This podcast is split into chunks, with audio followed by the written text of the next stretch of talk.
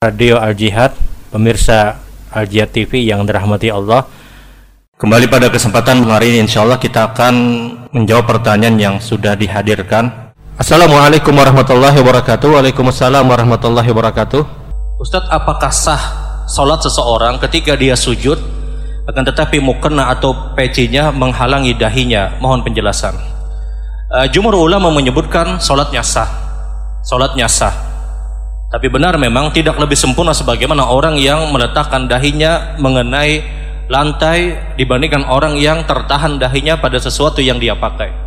Umirtu an asjuda ala sab'ati a'zam ala jabah wa asyara bil anf wal yadaini wa rukbataini wa atraful qadamain.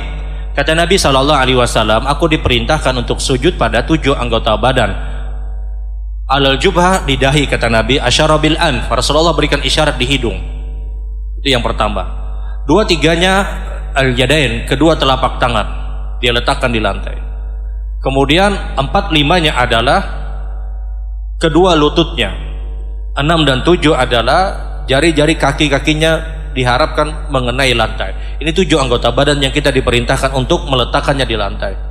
Dan seseorang yang mungkin sujud dahinya tertahan dengan mukenanya, tertahan dengan pecinya, apakah sah Kata para ulama, sujudnya sah selama hidungnya dia tempelkan di lantai.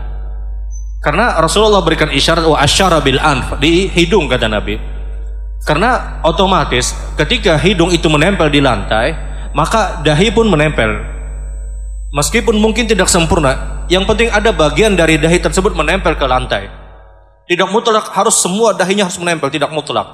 Ada bagian dari dahinya menempel di lantai, maka kemudian hidungnya juga menempel, maka ini sujud sudah benar. Sujud ini sudah benar. Makanya sekali lagi Rasul perintahkan itu di hidung karena ketika hidung itu sampai ke lantai, dahi pasti sampai.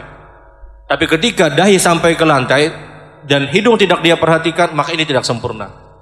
Tidak sempurna wallahu alam.